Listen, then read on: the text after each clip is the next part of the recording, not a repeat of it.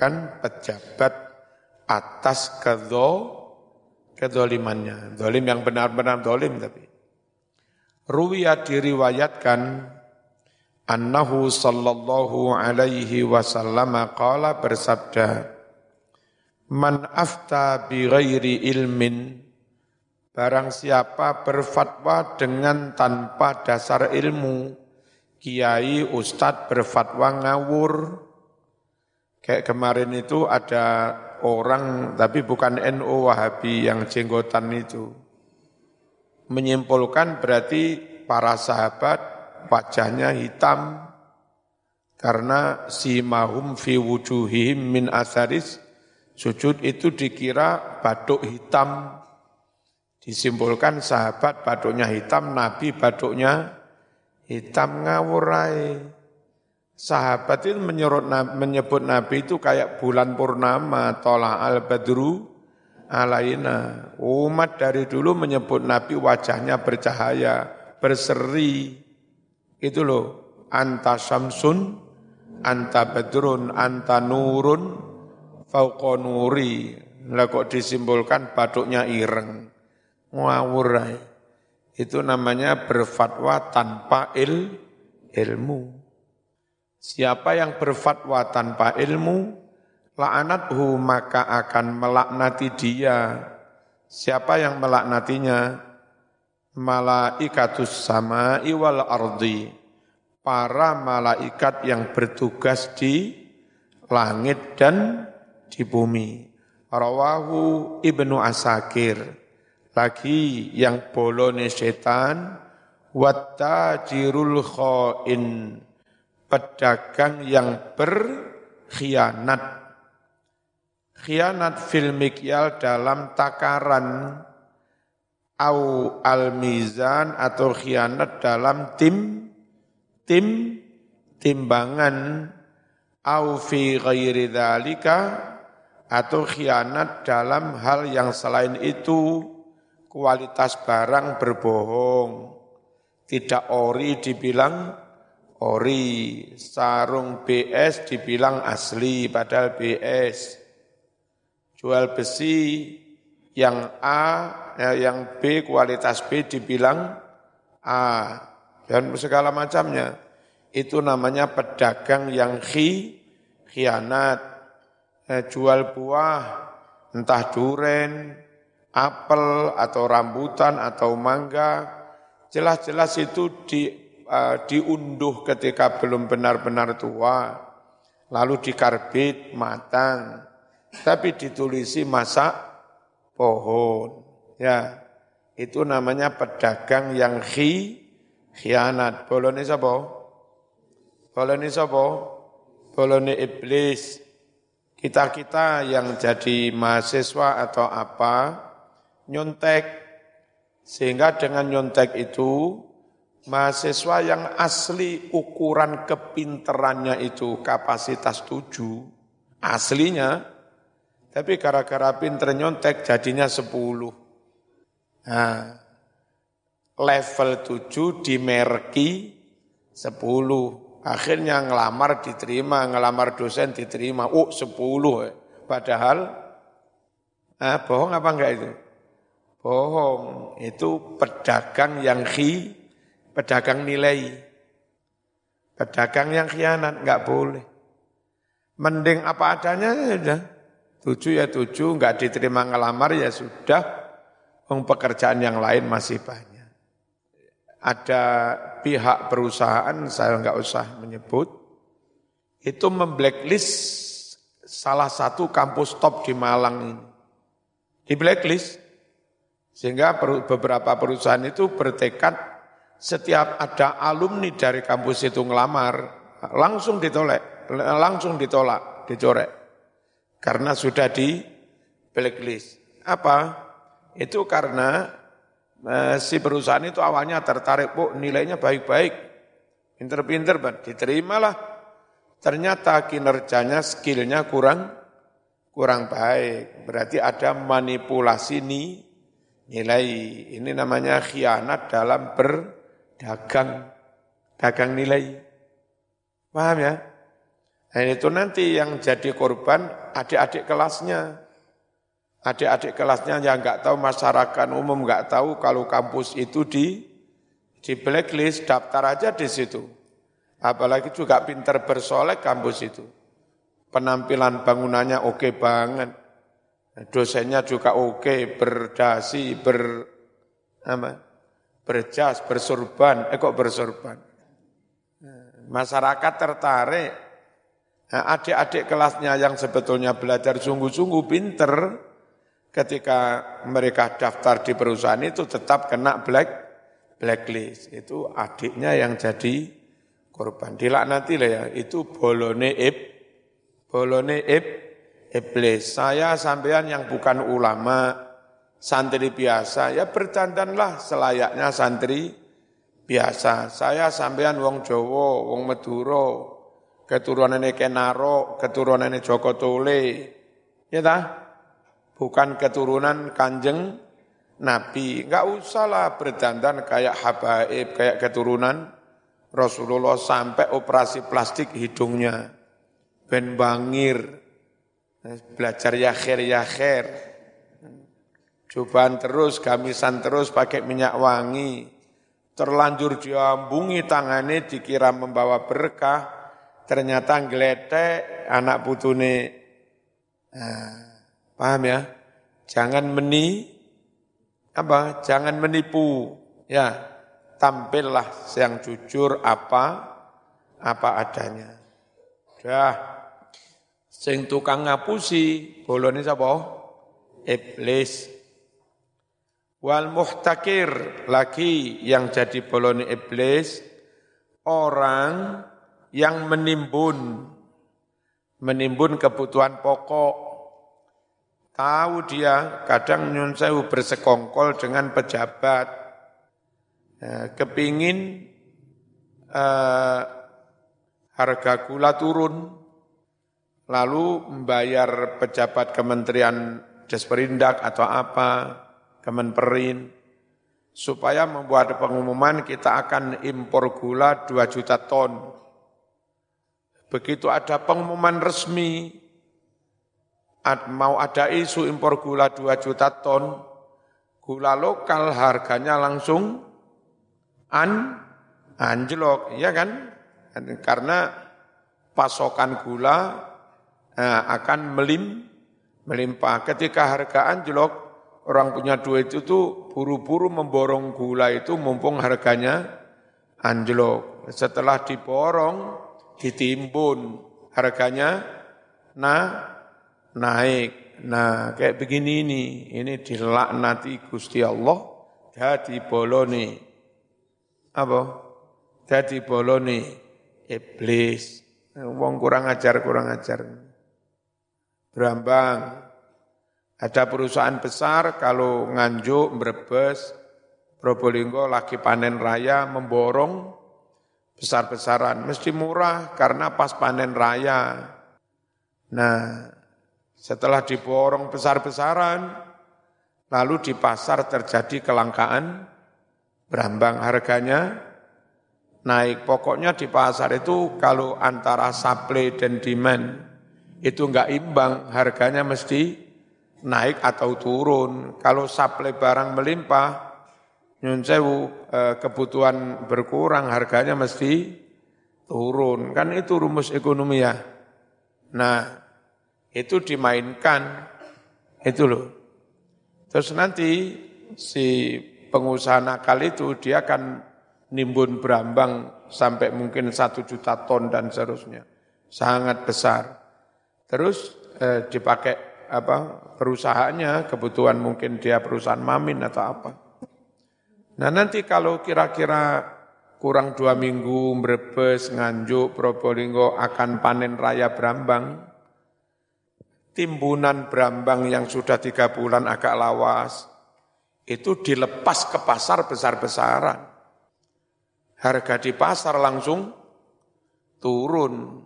Ngerti ya? Pas harga di pasar turun, eh, jarak sementara ini kan panen. Nah, pas petani panen harganya pas turun. Itu dia borong besar-besaran. Jadi laki-laki bisa memborong dengan hargamu murah. Pas dia melepas dengan harga tinggi. Itu dolim apa enggak itu? Dolim apa enggak? Dolim. Nah kadang pemerintah kadang enggak berdaya. Karena si fulan nyalon bupati, si fulan nyalon gubernur, itu mereka pengusaha ikut menda, mendanai. Nah kayak begitu loh repotnya. Bola ruwet itu kayak begitu, kayak entute setan. Idealnya eh, sebetulnya rakyat bersama para ulama terus ngaji, mendekatkan diri kepada Allah, ulamanya terus memberi bimbingan, memberi edukasi, sampai rakyat umat itu mengerti betul bahwa ikhtiar mendapat pemimpin yang amanah, adil, pinter itu menjadi penting. Dan ketika pencalonan bupati, gubernur, ada calon yang Masya Allah luar biasa alim, doktor, profesor, pondokan iso kitab kuning, ahlu sunnah wal jamaah, tapi enggak punya modal. Seharusnya umat itu tetap mendukung yang, yang itu, meskipun enggak bisa bagi duit, memang enggak punya mo, modal. Tapi kalau itu yang jadi kuat banget, real didukung umat dalam jumlah bes, besar. Digoyang sulit karena didukung umat dia mengakar. Terus dia enggak punya hutang budi, hutang modal kepada para pengu, pengusaha. Dia bisa bikin perda bersama DPR, dilarang menjual berambang bulan ini dengan dengan harga sekian. Dilarang membeli berambang dengan harga sekian. Enggak adil.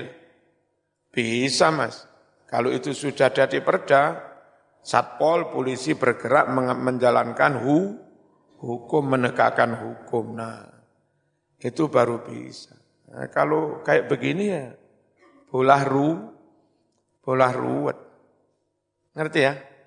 Idealnya pemerintah itu di Nganjuk, di Brebes, kemudian di Probolinggo, sentra-sentra Brambang itu, Pemerintah itu membangun lima gudang apa ya apa, yang masing-masing gudang misalnya berkapasitas 500 ton. Sehingga pas panen di Nganjuk di mana-mana, pemerintah itu punya apa berambang sampai 2.500 ton untuk menstabilkan harta harga. Harganya stabil udah dikunci aja di gudang. Dan harus ada ilmu suhu berapa, sekiranya berambang yang sudah kering itu bisa bertahan selama tiga bulan, empat bulan nggak busuk. Kok di pasar harganya mulai naik, berambang yang di gudang dikeluarkan, sehingga konsumen nggak sampai dirugikan. Harga mulai turun banget, nah, pemerintah dengan dana pemerintah membeli, membeli sehingga petani nggak sampai ru, rugi. Terus begitu. Itu pejabat kaya ngono iku Mas, munggah swargane luwih dhisik timbang kiai. Karena menolong orang dalam jumlah bes, besar, menegakkan keadilan. Muka-muka ya sama dadi wali kota. Tapi ngono iku ya. Wal muhtakir, siapa ini bolone setan ini? Orang yang menimbun bi an yastariyal qut Semisal dia membeli makanan pokok, beras lah, jagung lah, wa ma yu'inu alaihi, dan apa-apa yang mendukung makanan itu. Apa? Makanan kan enggak lengkap beras sebelum ada lauknya juga dah. Berarti dia menimbun beras, juga menimbun daging, menimbun garam, kalau perlu meninggung gerih barang, menimbun ikan ah, asin dalam jumlah bes, besar, gula, minyak, kalahmi seperti daging, waktal gola pada waktu mahal. Jadi dia belinya murah, beli besar-besaran, ditimbun sampai benar-benar ma, mahal. Di puncak mahal, dia jual dengan harga mahal. Kasihan, kasihan warga. Fayah bisu lalu dia menahan makanan pokok itu, liyabi'ahu untuk dia jual makanan itu bi'agla dengan harga yang lebih apa, dengan harga yang lebih ma, mahal. Mindalika dari pembeliannya. Wakta istidati hajatin nas.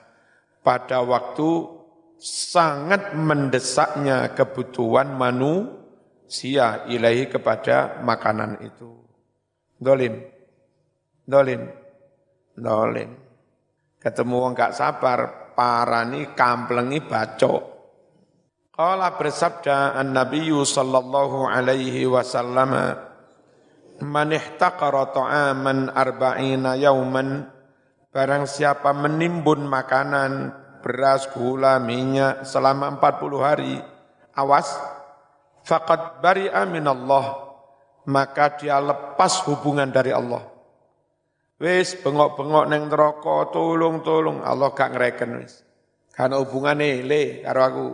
Ngono rasakno lepas hubungan Allah cuci tangan.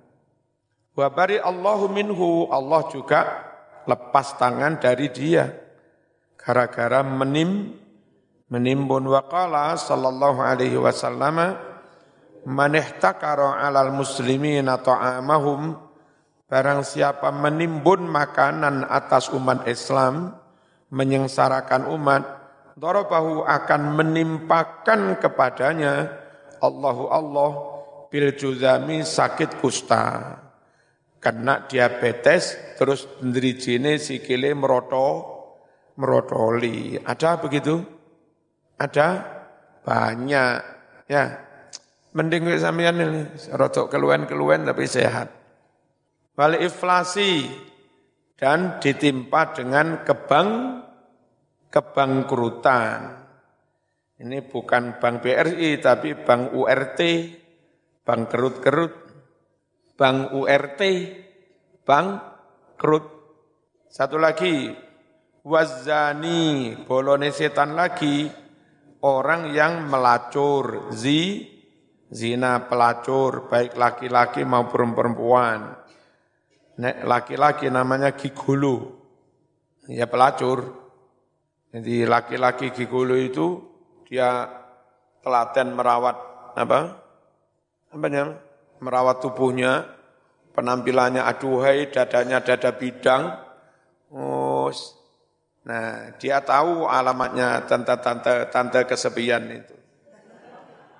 Tante kaya raya, suaminya sibuk, apalagi suaminya nikah dua tiga, sehingga asupan gizi dari suamiku kurang. Nyari kepuasan itu yang peluang itu ditangkap oleh zani. Para gigolo itu. Jenenge gigolo. Kalau menurut saya jenenge gilani. Ruya diriwayatkan annahu sallallahu alaihi wasallam qala bersabda iyyakum wazina awas awas jauhi olehmu perbuatan zina Fa inna fihi arba khisal. Sungguh dalam zina ada empat eh, perkara, ada empat indikator, ada empat dampak. Pertama, yudhibul baha. Zina itu menghilangkan cahaya wajah, menghilangkan apa eh, keceriaan wajah, enggak berseri minal wajhi dari wajah. Mbah Putri Blitar, almarhumah, itu ketika ada anak sowan begitu, pamit mau nikah. Mak saya itu langsung tahu, Marzuki, dalam. Bocah gak perawan babi. Ya, melihat wajahnya sudah agak kusam, enggak apa, enggak bercahaya, enggak berser, enggak berseri dilihat sorot matanya. Langsung tajam sekali orang sebut. Ternyata dari pernikahannya kalau umumnya orang itu punya anak setelah sembilan bulan lebih sedikit dari pernikahan, itu kalau nggak salah masih kira-kira delapan bulan. Jadi nikahnya jauh lebih dulu saya, tapi umur anaknya im. Nah, dari mana ibu saya tahu? Ya dari amin. Itu tadi yud, yudhibul baha minal wajah. Halo? Halo. Muka-muka mbak-mbak ceria kabeh. Berarti berarti benar-benar ting-ting. Kalau wajahnya kusam, tong-tong. Na'udzubillahi min wayak ta'ur rizqo dan bisa memutus riz, rezeki. Enggak ada pelacur kaya itu. Meskipun hasilnya semalam bisa satu juta setengah. Yang berkelas itu sekali kencan meladeni lima ratus. Kalau meladeni lima orang kan dua juta setengah. Siapa yang punya penghasilan semalam dua juta setengah? Kalau dari rupiah banyak, tapi remek, remek, amoh kabeh, ajur. Allah mencabut riz, rizkinya. Wa yuskhitur rahman, zina membuat marah Gusti Allah. Wa yastaujibul khuluda finnar. Zina mewajibkan, memastikan orang jadi langgeng di dalam neraka. Rawahu Tabrani Al-Fatihah.